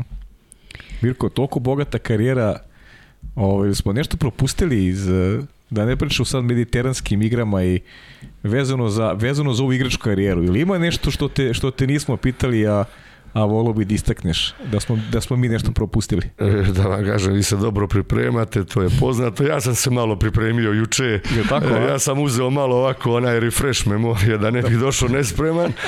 Ništa, mi, ništa mi ne pada, stvarno, ništa mi ne pada ovako da smo sada nešto propustili. A dugo je to trajalo, bilo je tu...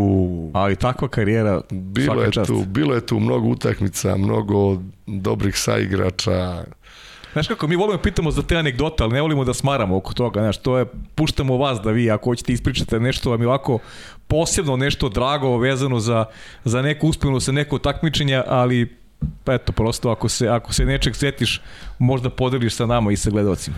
Pa dobro, bilo bi toga, bilo bi toga, možda sad ovako dokle razgovaramo druge stvari ću malo da vidim što bi to moglo da bude interesantno svima, ali eto ti mi mlađi koji smo taj duh tih 80 pete, šeste, sedmi i to, eto, možemo i to. Sada s ove distance možemo reći da smo bili ovako malo i nestašni.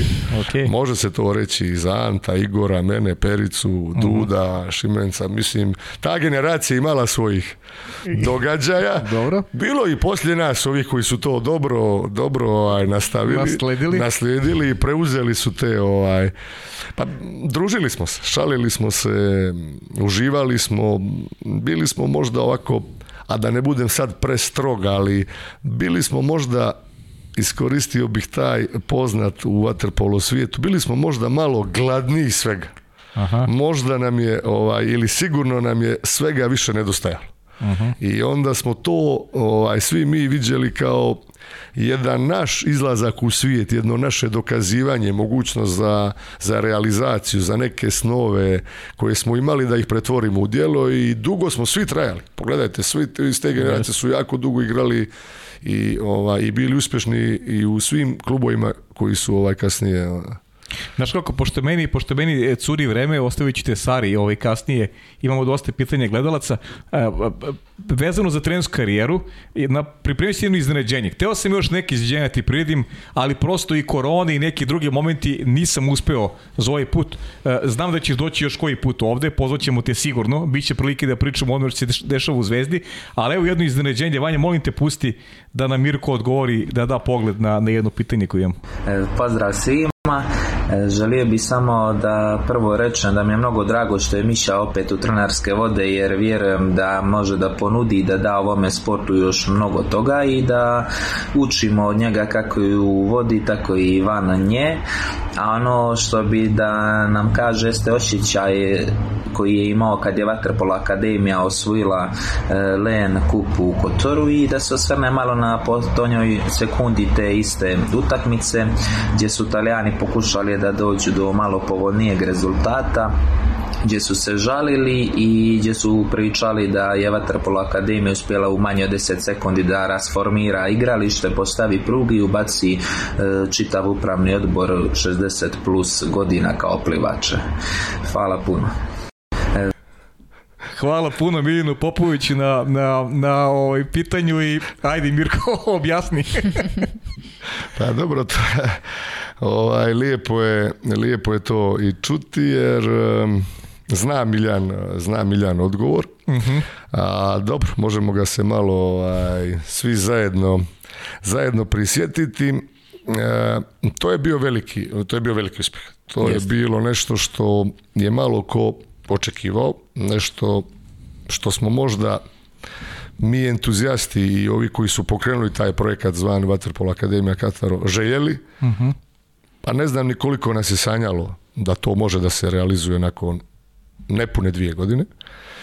A desilo se na kraju, kao što se vas da svaka drama se dešava i ovaj, tu se ne propušta ništa slučaju i da budem iskren, sad baš detalj taj nismo, nismo razrađivali prije utakmice, ali se u Kotoru misli i o semaforu i o struji i o igralištu i o goliva i slobodno vrijeme se provodi pričajući što bi bilo, kad bi bilo, što bi neku uradio, mhm. što bih ja napravio, kad bi tako što se uglavnom završava da se nikad te situacije i ne dese, ali nekad se i dese, pa česti kvarovi, nestanci struje i nisu baš uvijek samo ispadanje s mreže, nego su mhm. nekad ti odmori bili tekako dobro došli, traženje kapica u ljetni bazen gdje se more uzburka mhm. pa se i ne vidi i tako. Tako da jesu to sve sastavni dijeli jednog velikog ambijenta nije mi, nije mi baš ništa mnogo prolazilo ovaj, kroz glavu te trenutke. Jeste ovo da, da, da dam znak, ovaj, tu se osjećam odgovornim da sam dao znak da se čim prije to videći da se nešto još delegat dvoumi da će li ponoviti ili neće, da je to sve baš onako i nestalo, da su ti stvarno rasformirani. Ja mislim, to sam sad prije neki dan tu rekao jer su me ovaj, sličnu stvar pitali, ja sam rekao da, da su nas godinama poslije kontaktirali razni timovi od Ferrara do McLarena, ovi što rade pit stop, ovo što rade promjenu guma u 6 sekundi da vide kako je moguće sa teškim golovima, tada još drvenim, ne ovim današnjim laganim, kako je to sve moguće ovaj, posložiti, ali Kotor je, ovaj, Kotor je i po tome bio poznat, dobro organizovan i završnica te večeri koja je ako možda malo manje poznata, ali je nevjerovatno doprinjela da se uz osmijeh sve završi je i što je spiker, inače e, voditelj poznati crnogorski Sabrija Vulić koji je veliki prijatelj kluba i koji je bio za, za, za mikrofonom na mhm. bazenu kao zvanični oficijalni speaker finala, uzeo i počeo da čita talijanska prezimena i improvizovano su dolećele medalje i oni su se već davale talijanima koji su se umeđu vremenu i žale, tako da je to bila sve jedna smiješna situacija da su oni ovaj, i medalje dobili rekordnom brzinom, bez delegata i, ovaj, i kup smo nekako i pehar, pomogli smo mu da ga što prije uzmemo i ovaj, bilo interesantno i, i, i velika i veliko slavlje. Sjajno. Pa Mirko, ovo neka bude šlagvort u, u tu trenersku karijeru, pa ajde kaži da kako je, kako je, kako je počela, uh, eto malo prepričaj te trenutke do, evo, do ovog današnjeg do dolaska u Crvenu zvezdu, šta se sve odvijelo u, u životu Mirka Vičevića kada govorimo o, trenerskom poslu? Pa eh, ja sam krenuo eh, sa interesovanjem da budem trener krenuo sam baš ovako mnogo ranije od ovih od, od, od, od, od kad se formira Vatrpol Akademija Kataru, iako neko moj početak vezuje za neku seniorsku ekipu i za jako ozbiljnu priču ovaj, u tom, u tom, u tom e, periodu. E, počeo sam 98. godine, 1998. E, godine u Savoni sa, sa kadetima i juniorima toga kluba i to su bili izuzetno talentovane i jako, jako ovaj, nadarene generacije Rarinantesa i Savone. Neki kasnije od njih, što mi je i bilo posebno drago, su i bili svjetski prvaci sa Italijom, neke koje sam praktički i uveo u vaterpolo svijet, koji su mi se i iz Kine nakon osvajanja svjetskog prvenstva i zlatne medalje i telefonski javili, rekli sjećamo se početaka i tako, jer ti prvi treninzi, ovaj, prvi treneri se pamte. To je bila Italija, nakon, to nije bilo moguće nešto ozbiljnije kao trener raditi, jer sam još se bavio ovaj, profesionalnim igranjem, i nakon povratka u, ovaj, u Kotor 2007. godine pojavljuje se ta mogućnost i pronalaze se ljudi voljni da, eh, da finansiraju jedan projekat koji je bio Vatrpol Akademija Katar, koji je za rekordno vrijeme ne samo osvojio Europski kup, što osim Vaterpolo kluba Primorca i ženskog rukometnog kluba Budućnost u Crnoj Gori ne postoji neki sportski kolektiv izuzev ova tri kolektiva koji su osvajali Europski kup u bilo kojem sportu. Tako da je to bilo, bio veliki rezultat, ali za jedan smišljeni projekat, za jedan smišljeni plan rada, sve u cilju popularizacije sporta i angažovanje mladih, davanje mogućnosti da kroz tu upravu akademiju oni dobijaju i neku vrstu obrazovanja. Radili smo i časove talijanskog i engleskog jezika kako bi te sutra buduće vaterpoliste kotorane i ne samo kotorane e, osposobili, omogućili im da jedan novi profesionalni ugovor ili nešto u Italiji ne bi ličio na onaj moj dolazak, nego da oni već znaju i neke riječi, da znaju o čemu se radi, da im približimo te ambijente, da ih upoznajemo, da ovaj radimo razmjenu, pa je jedan od tih, e, tih razmjena i Crvena zvijezda i nastanak te saradnje koje je od 2012. godine, pa onda o, mogućnost da se uz određena školovanja van granica Crne Gore naši vaterpolisti šalju uz preporuku kluba učestvovanje na razne, na razne evropske projekte i s ponosom kažem ne samo da smo i lenku posvojili i veliki evropski, nego smo i bili prvi sportski kolektiv iz Crne Gore koji je pristupio tim pristupnim fondovima Europske za prekograničnu saradnju Europske unije i iskoristili ga za vaterpolo, za popularizaciju toga sporta sa dječacima, vršnjacima i iz Bosne i Hercegovine, uključili grad Sarajevo, kasnije Stolac i Kupres i naprosto raširili jednu priču da ne bude samo isključivo fokusirana na ekstremno kvalitetni rezultat i sve odmah. Upravo to je moje pitanje. Dakle, 2010. E, godine vi osvajate taj Len Kup sa e, Katarom, pa me zanima da li je to trenutak kada vi shvatate da definitivno vaša karijera će dalje ići u tom smeru trenera i to je negde potvrda, kao što ste rekli, 2007. godine ste e, pokrenuli sve to, 2010. godine je došla ta potvrda da ono na čemu ste radili je zapravo imalo uticaja i, i dalo taj lenkup. kup. Je li to prelomni moment vaše kasnije trenerske karijere koja i dan danas traje? Pa ne znam, ne, možda nije to prelomni trenutak. To mi je možda dalo jednu dodatnu snagu da ta moja vizija kako trebaju stvari da se odvijaju u seniorskom dijelu je ispravna i da može dati rezultat. Iskreno, klub je napravljen sa izrazitom željom za upis novih članova mladih, djece, e, Kotorski i ne samo da se vaterpolo što više uključi u školski sport, da budemo što prisutniji i da povećamo taj fond igrača. Sponzori, naravno, kao sponzori one žele odma sve i uspjeh koji je najviše vidljiv kroz prvi tim. I Vaterpolo Akademija Kataro ili kao sa mnom kao jednim od tih nosioca glavnog tereta ili pokretač tog trenažnog rada nisam bio presretan sa tom idejom, čak sam malo i, i kočio taj početni, taj početni entuzijazam vezano za prvu ekipu ali prevagnula je želja i mogućnost da se u kratkom vremenskom periodu dođe do, dođe do izuzetno ili najkvalitetnijih europskih igrača. Nismo mi taj Len Kup osvojili tek tako, niti zato što sam se ja probudio pa sam znao kako to ide, zato što sam imao kod sebe svjetske prvake, osvajača olimpijskih medalja od dvostrukog olimpijskog pobjednika Tamaša Varge do, do Gojka Pjetlovića, Teja Đogaša, Đorđa Filipovića, Mila Smodlaku i vrhunske, Aljošu Kunca, znači vrhunske igrače koji su u tom času, koji su u tom trenutku iz poznatih razloga vezanih za njihove ugovore bili slobodni, mi smo uspjeli ni da dođemo. I onda se došlo do tako fantastičnog rezultata, što je ujedno i, i, i ogroman teret za nastaviti tim stopama. Mene je mnogo više interesovao, ponavljam, rad sa mlađim selekcijama i uključujem se u rad i u nacionalnoj selekciji. Preuzimam sve mlađe selekcije e, u Vatrpolo Savezu Crne Gore i ovaj interesantno je kada, kada neko kroz trenerski rad može da, može da upozna sve kategorije. To je jako važno i evo i sada ovo je posebno još jedna nova dodatna nota u toj u tom prepoznavanju stvari i različitosti kroz razne kategorije. Tako je, 2013. osvajate taj evropski, evropsko prvenstvo za juniore na Malti, do 2015. E, ste selektor svih mlađih kategorija Crne Gore. Kako je raditi sa tim e, mlađim kategorijama? Je li naporno?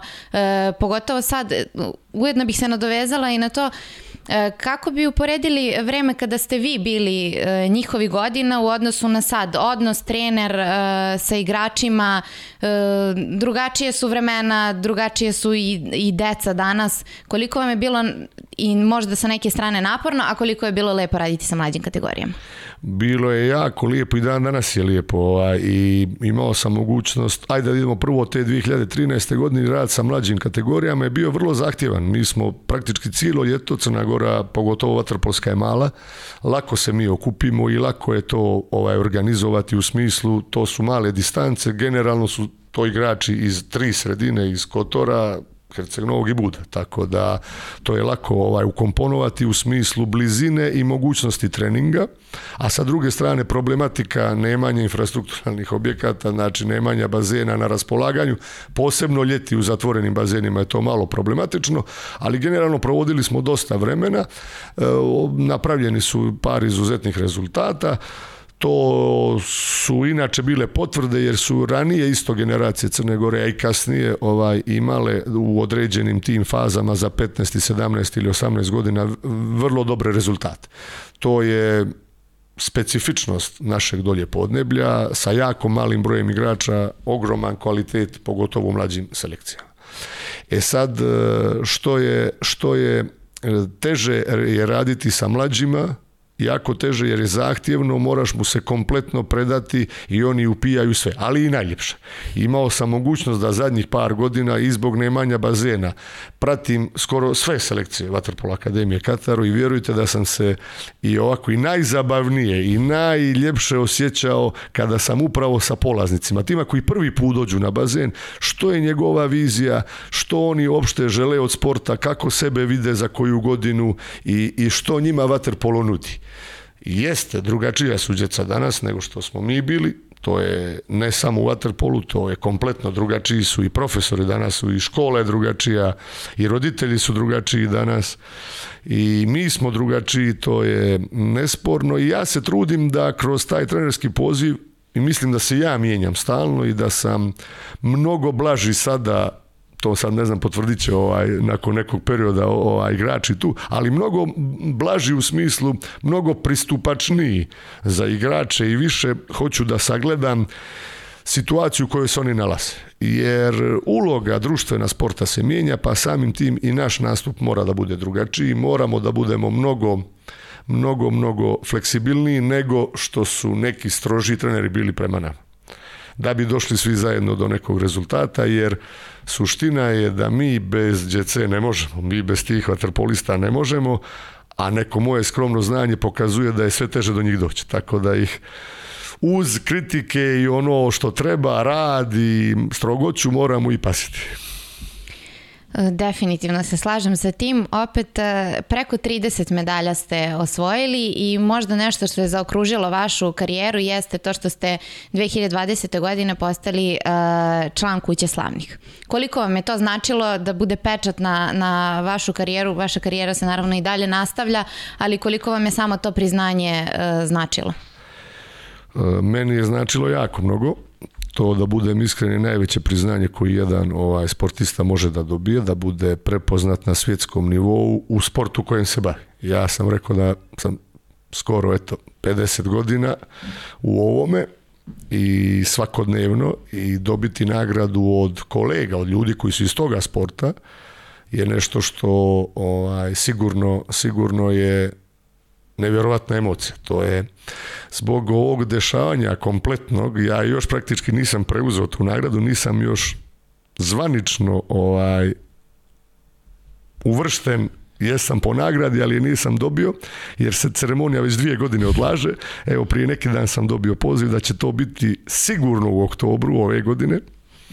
Raduje me jer ću tamo u toj sobi, sad ne znam, na tom zidu na kojem su ispisana imena ili kako već procedura, teče biti u društvu nekih koje sam već večeras spomenuo, to su igrači iz moje generacije, cimer i prijatelji koji su već tamo treneri. Tako raduje me da, da imam tu čast biti sa tim velikanima našega sporta.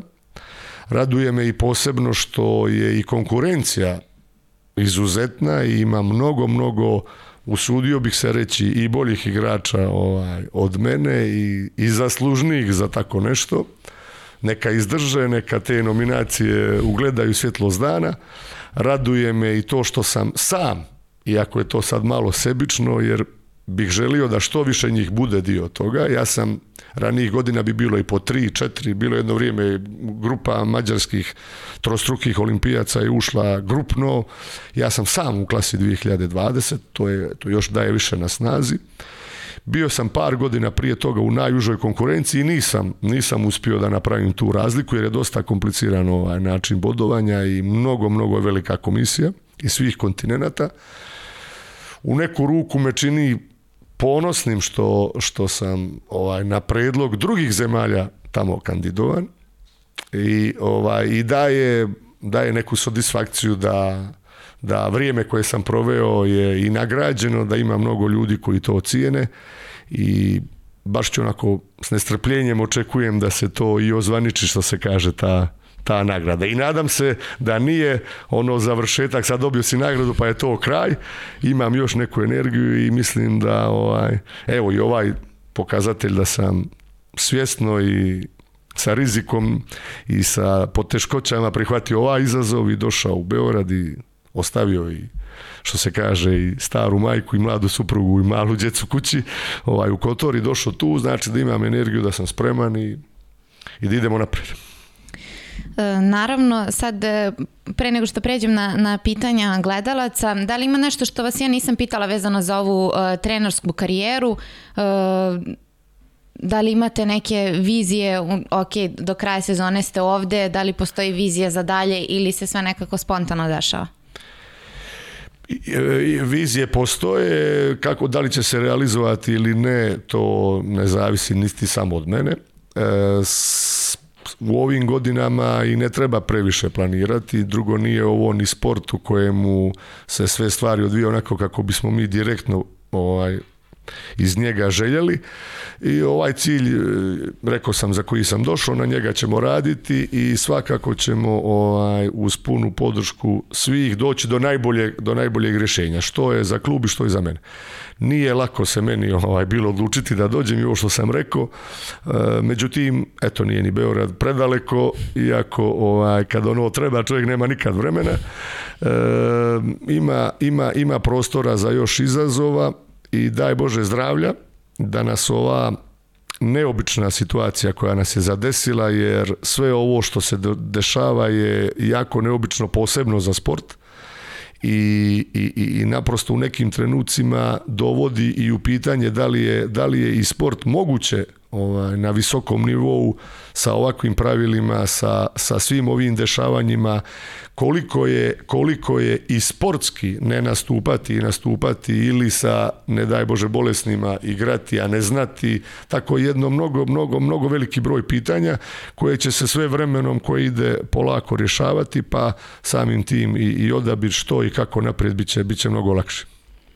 E, sada prelazim na, na pitanje naše Aleksandre, e, pa ćemo skakati vjerojatno sa teme na temu. E, da li mu imponuje što je u jednoj publikaciji nazvan biserom iz Boke Kotorske? Boga mi me ovaj, to mi imponuje. me.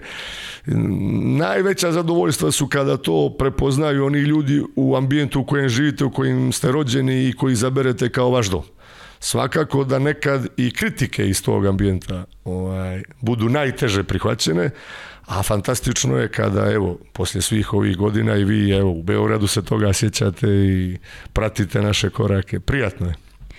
E, kakav je osjećaj biti najmeđi član jugoslavenske reprezentacije i naći se na pobjedničkom postoju Svetskog prvenstva u Rimu 86. godine? Pa da vam kažem, nisam ja mnogo ni, ni, ni, ni razmišljao o tome, ali to je fantastično, to je rješenje i neki snovi se na prvu loptu, što se kaže, ostvaruju, biti dio je nevjerovatna priča, a pogotovo još na kraj krunisat ga zlatnu medalju. To je nešto što se čovjek mora sjećati cijeli život.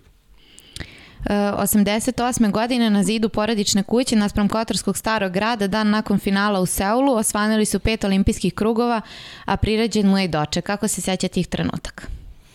E, to je bilo ovako, ovaj, to su mi roditelji napravili i svi koji su živjeli u te dvije ulice, to je inače da mali kvart preko puta starog grada, ima tu nakon mene još svjetskih prvaka, koji su na 20 metara od moje kuće nevjerojatna priča da pored moga brata i ovaj e, Zdravko Radić je moj komšija koji je bio svjetski prvak i on je bio jedan od učesnika ovaj crtanja tih krugova naprosto taj, taj veličanstveni uspjeh jugoslovenskog vaterpola je bio tako bilježen svi su me dočekali sa skromnom iluminacijom jer tada nije bilo ovih mogućnosti nego znam da su djeca one sijalice koje smo imali obične onda su ih ono piturali žuta, plava, zelena, crvena da bi bio taj laj show i to je sve bilo improvizovano, ali, ali e, ostalo za, za vijek onako zabilježeno. E, Bledali uspomeni iz Seula, šta je prvo čega se seti e, kada se kaže olimpijski igre 88. i da li je tačno da su samo dva puta bili do centra grada? E, I sad to dva se ne sjećam. Jedan put mislim da jesmo ili baš bio centar ili neko mjesto gdje smo proveli sat vremena, ovaj, nisam siguran.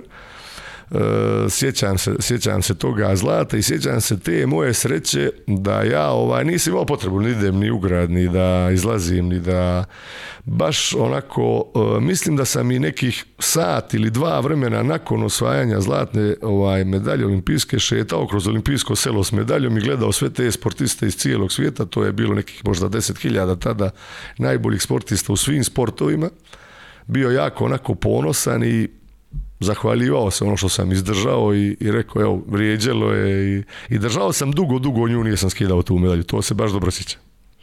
E, da li je u Seulu video nekog sportistu koga je sanio da vidi uživo ili su ipak najdragocenije druženje sa našim sportistima? Nisam, ovaj, nisam baš nisam uspio nikoga uživo od ovih fenomenalnih sportista koji su bili svjetski poznati da, da, da sretnem direktno uživao sam u cijeloj delegaciji koja je bila mnogobrojna i koja je bila izuzetno, izuzetno jaka i ta generacija naša, ja sam to i prije rekao i u drugim sportovima je bila fantastična i sa tim momcima i poznanstvima koje smo tada ovaj, ostvarili i dan danas se čujemo, rado gledamo, to su sve ljudi jako uspješni u svim brašama koji se dotakli neki izuzetni sportisti, da ih ne nabrajam, od džuda košarke, rukometa, odbojke, znači e, izuzetno boksa, izuzetno, izuzetno jaka delegacija. E, pred Evropsko prvenstvo u Latini 1991. godine kao Hrvat iz Crne Gore bio i dilemi da li da napusti reprezentaciju ili ostane, ali kažu da je sve to prekinuo njegov otac, poznati stručnjak Pavle Vičević.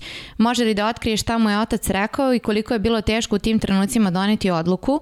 Sa ove distance da li je ispravno postupio što je poslušao oca i odlučio da ostane? Ma dobro, tu se malo više te, ovaj, da kažem, stvorilo se od oko toga događaja neka više ovako sad, neću reći novinarska priča, nego neka kao misterija. Nije tu meni ništa otac rekao, niti smo mi imali neke velike razgovore da tu uvodimo. Teško je bilo protumačiti u tom času što se dešava Lako je to sada sa ove distance. Ili bi možda danas isto bilo teško to razumjeti što se upravo u tom času dešavalo, ali ovaj, naprosto bio je odabir da li ispoštovati odluku kluba ili e, vratiti se kući. Znači i držati ono što Kotor smatra u tom času da je, da je ovaj, ispravno. Ja sam naravno e, u, vas da bi bio na stranu Kotora i na, stranu kuće jer svojih roditelja nevezano za, za u kojim se Eh, segmentima trenutnim radim. E, imao je priliku da u Kataru e, bude trener Gojku Pjetloviću. Kako je, bilo, e, kako je bilo biti trener takvom igraču koji je osvojio sve što se moglo osvojiti i prošle godine završio reprezentativnu karijeru? Bilo je lijepo biti njemu trener, ja mislim da je i njemu bilo lijepo u Kotoru. Ovaj, nekako sa tim našim druženjima i treninzima je i krenula njegova fantastična karijera – jako se radujem zbog toga, Gojko je fantastičan čovjek prvo, pa onda sportista golman, tako da mu želim svu sreću. Mm, ne znam je li dobro procijenio da se povuče, ostavljam to na njemu. Što se tiče reprezentacije, sad ga imam kao, kao konkurenta ekipe, ekipe za ostvarenje našeg cilja i sa zadovoljstvom je da čekam da ga vidim. E, pitanje Aleksandra Pantića sad. E, može li e, da nam kaže par reči o Zoranu Gopčeviću, kakav je bio kao igrač, šta ga je krasilo i koju poziciju je igrao? Mogu da, da, da kažem da je bio izvaredan igrač, da je bio vođa svih nas mlađih, sa zadovoljstvom smo ga pratili i slušali, bio je pravi, pravi sportista – Mnogo je značilo što je odabrao da svoju karijeru završi u, u klubu u kojem je počeo. Imao je velike ponude, a to je bio jedan pokazatelj tog, e, tog načina razmišljanja za, za igrače koji su sve dali jednom matičnom klubu. Imao je jednu neviđenu sposobnost e, ovako čisto tehničke prirode da sa određenom vrstom uplivavanja, tako smo ga zvali, ide direktno na igrača, približava se golu i u jednom iskoku izvan, izvan površine vode u devijaciji na dobro dodanu ovaj loptu uspijeva nevjerovatnim prenosima da postiže go. To je nešto što se više nije, više se nije ponovilo i takav kvalitet nisam, nisam više prepoznao. E, pitanje vezano za bazen u Kotoru, zašto propada i da li postoji plan i program rekonstrukcije bazena i kluba? Lijepa vijest. E, bazen je poslije četiri po godina mučenja i renoviranja završen.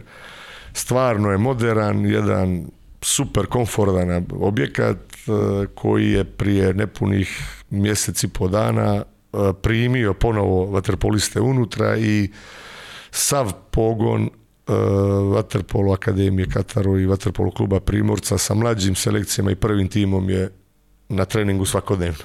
Eto, to su divne veste. Divne, lijepe i bilo je vrijeme i nadam se se više nikad neće desiti da ga toliko dugo budemo iz njega.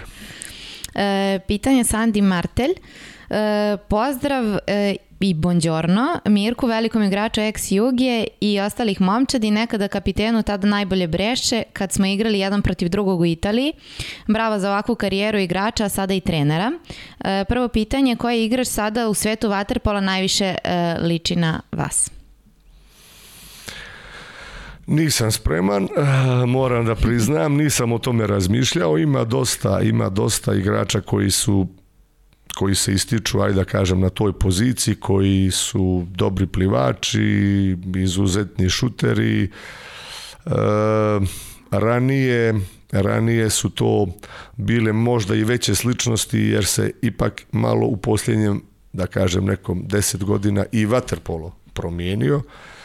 Ovako igrač kojega bih izdvojio sa izuzetnim kvalitetom. Volio bih da, da budemo i slični, da to bude, neću reći nasljednik, nego da, da liče njegovi potezi i to, iako i on sad već na zalasku karijere, e, a nekim svojim golovima i reakcijama prepoznajem sebe ovaj, u, toj završnici, pa tako vidim te sličnosti, to bi, to bi bio ovaj e, sigurno Andrija Prlenović recimo, to igrač koji, kojeg ja prepoznajem na toj strani da je, da je dao jedan iskorak u odnosu na ono što smo mi ovaj i recimo još jedan igrač koji je nažalost jako brzo završio svoju igračku karijeru bio je Sandro Sukno.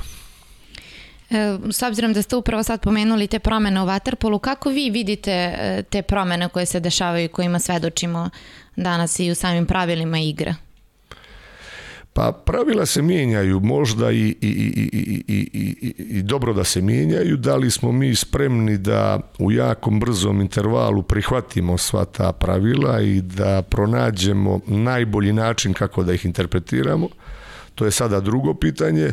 Definitivno sport ide ka toj vrsti spektakla da više golova, više atraktivnosti, više pokreta, više lijepih akcija, nekako se akcenat daje na napad, i daje se mogućnost da se ipak malo lakše dođe do, do određene prednosti sa sudijskim odlukama i pravilima vezano za napadača. To je interesantna pojava, interesantno je ovaj, u, u našem, da kažem, kao trenerima predočiti tim mladim igračima, a ujedno i zadatak da već igračima koji su formirani i sve ono što je škola bila dosadašnja, da se to dosta brzo promijeni, izmijeni i da oni prihvate kako bi se izvukla ovaj najbolji rezultat iz toga. Vraćam se opet na pitanja e, Sandija. E, par saveta za mlađe igrače da uspe u sportu, šta je naj, e, najvažnije, a šta treba izbjegavati?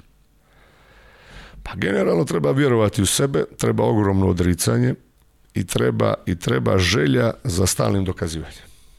Nije to lako, ali vjera, vjera u sebe i ogroman rad daje, daje, daje garanciju, daje garanciju uspjeha.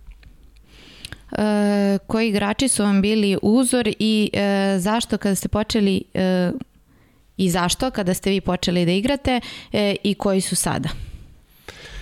Verovatno u trenersu. Pa, ovaj, u, u, ne, mislim, možda je čak i malo i nevjerovatna priča. Ja, ja kad sam počinjao, meni je Milivoj Bebić bio uzor. Da, da bih nakon 4-5 godina praktički nekog, nekog pojavljivanja pri seniorskoj ekipi došao da budem u sobu sa njim na reprezentativnim pripremama, da ga zamijenim nakon te čuvene već sad povrede.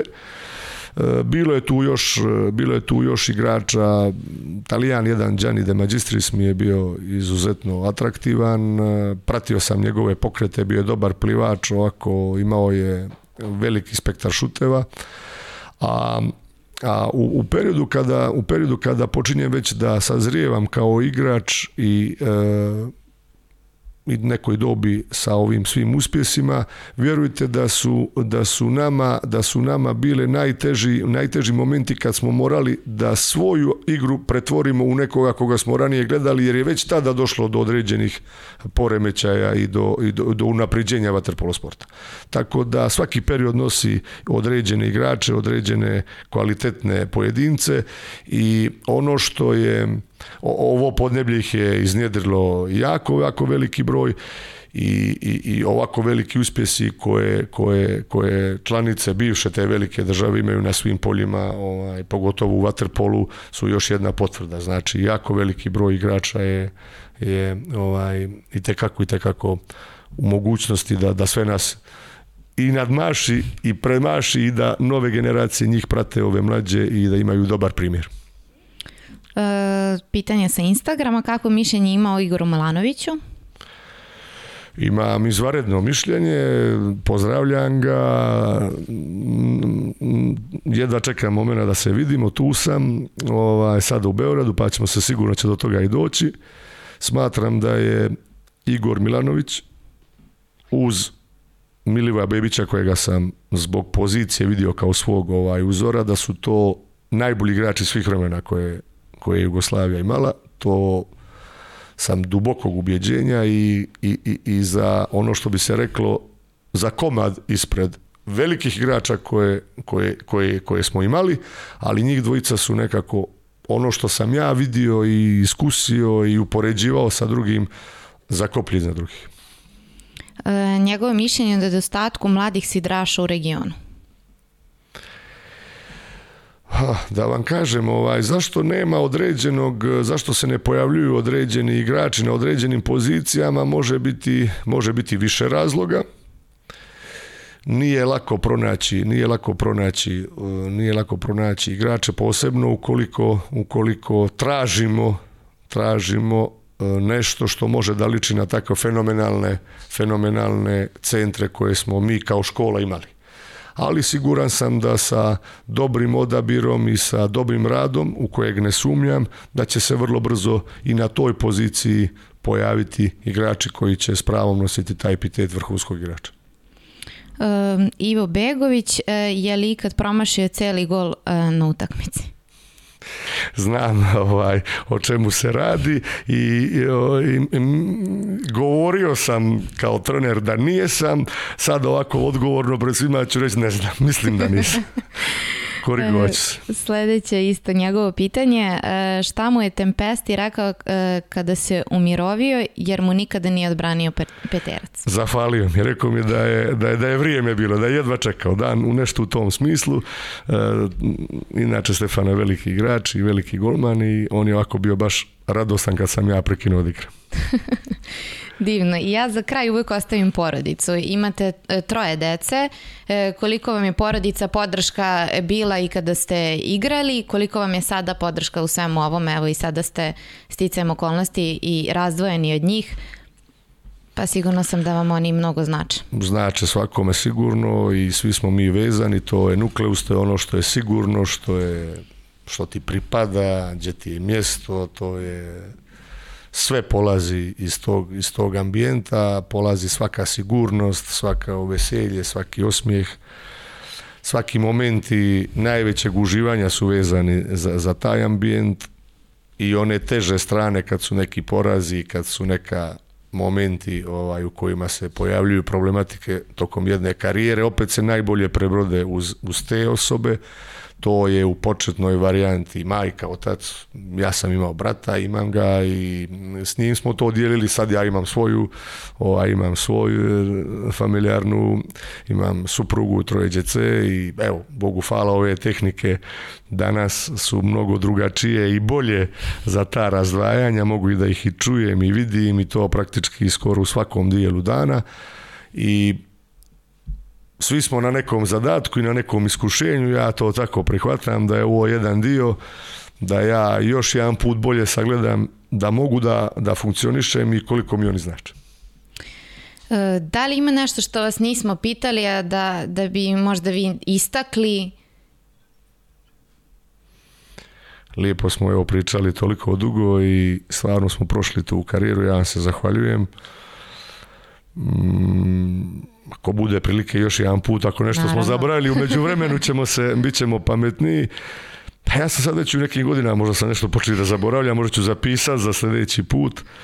Hvala na pozivu, jako se ugodno osjećam u Beogradu, posjetio sam neke prijatelje koje duži vremenski period nisam gledao, neka, neka mjesta na kojima nisam bio i 30 godina, baš u ovom kvartu gdje ste vi, jako sam vezan i za taj dio i ovaj, baš sam uživao šetnjom šetnjom do vas i tako i mirisi i zvukovi su me podsjetili na neke 80. i tako vrijeme kad sam tu provodio mnogo više vremena. Hvala vam puno još jednom. E, nama je drago što, što ste izdvojili eto vreme da dođete kod nas i nadam se da će biti prilike. Ostaje samo da vam poželimo sreću u, u nastavku ove trenerske karijere. E, što se tiče našeg narednog e, gosta, e, to će biti Dejan Jovović. Pratite naše Instagram profile, učestvujte u kreaciji svake ove emisije, a do sljedećeg četvrtka sportski pozdrav. Hvala.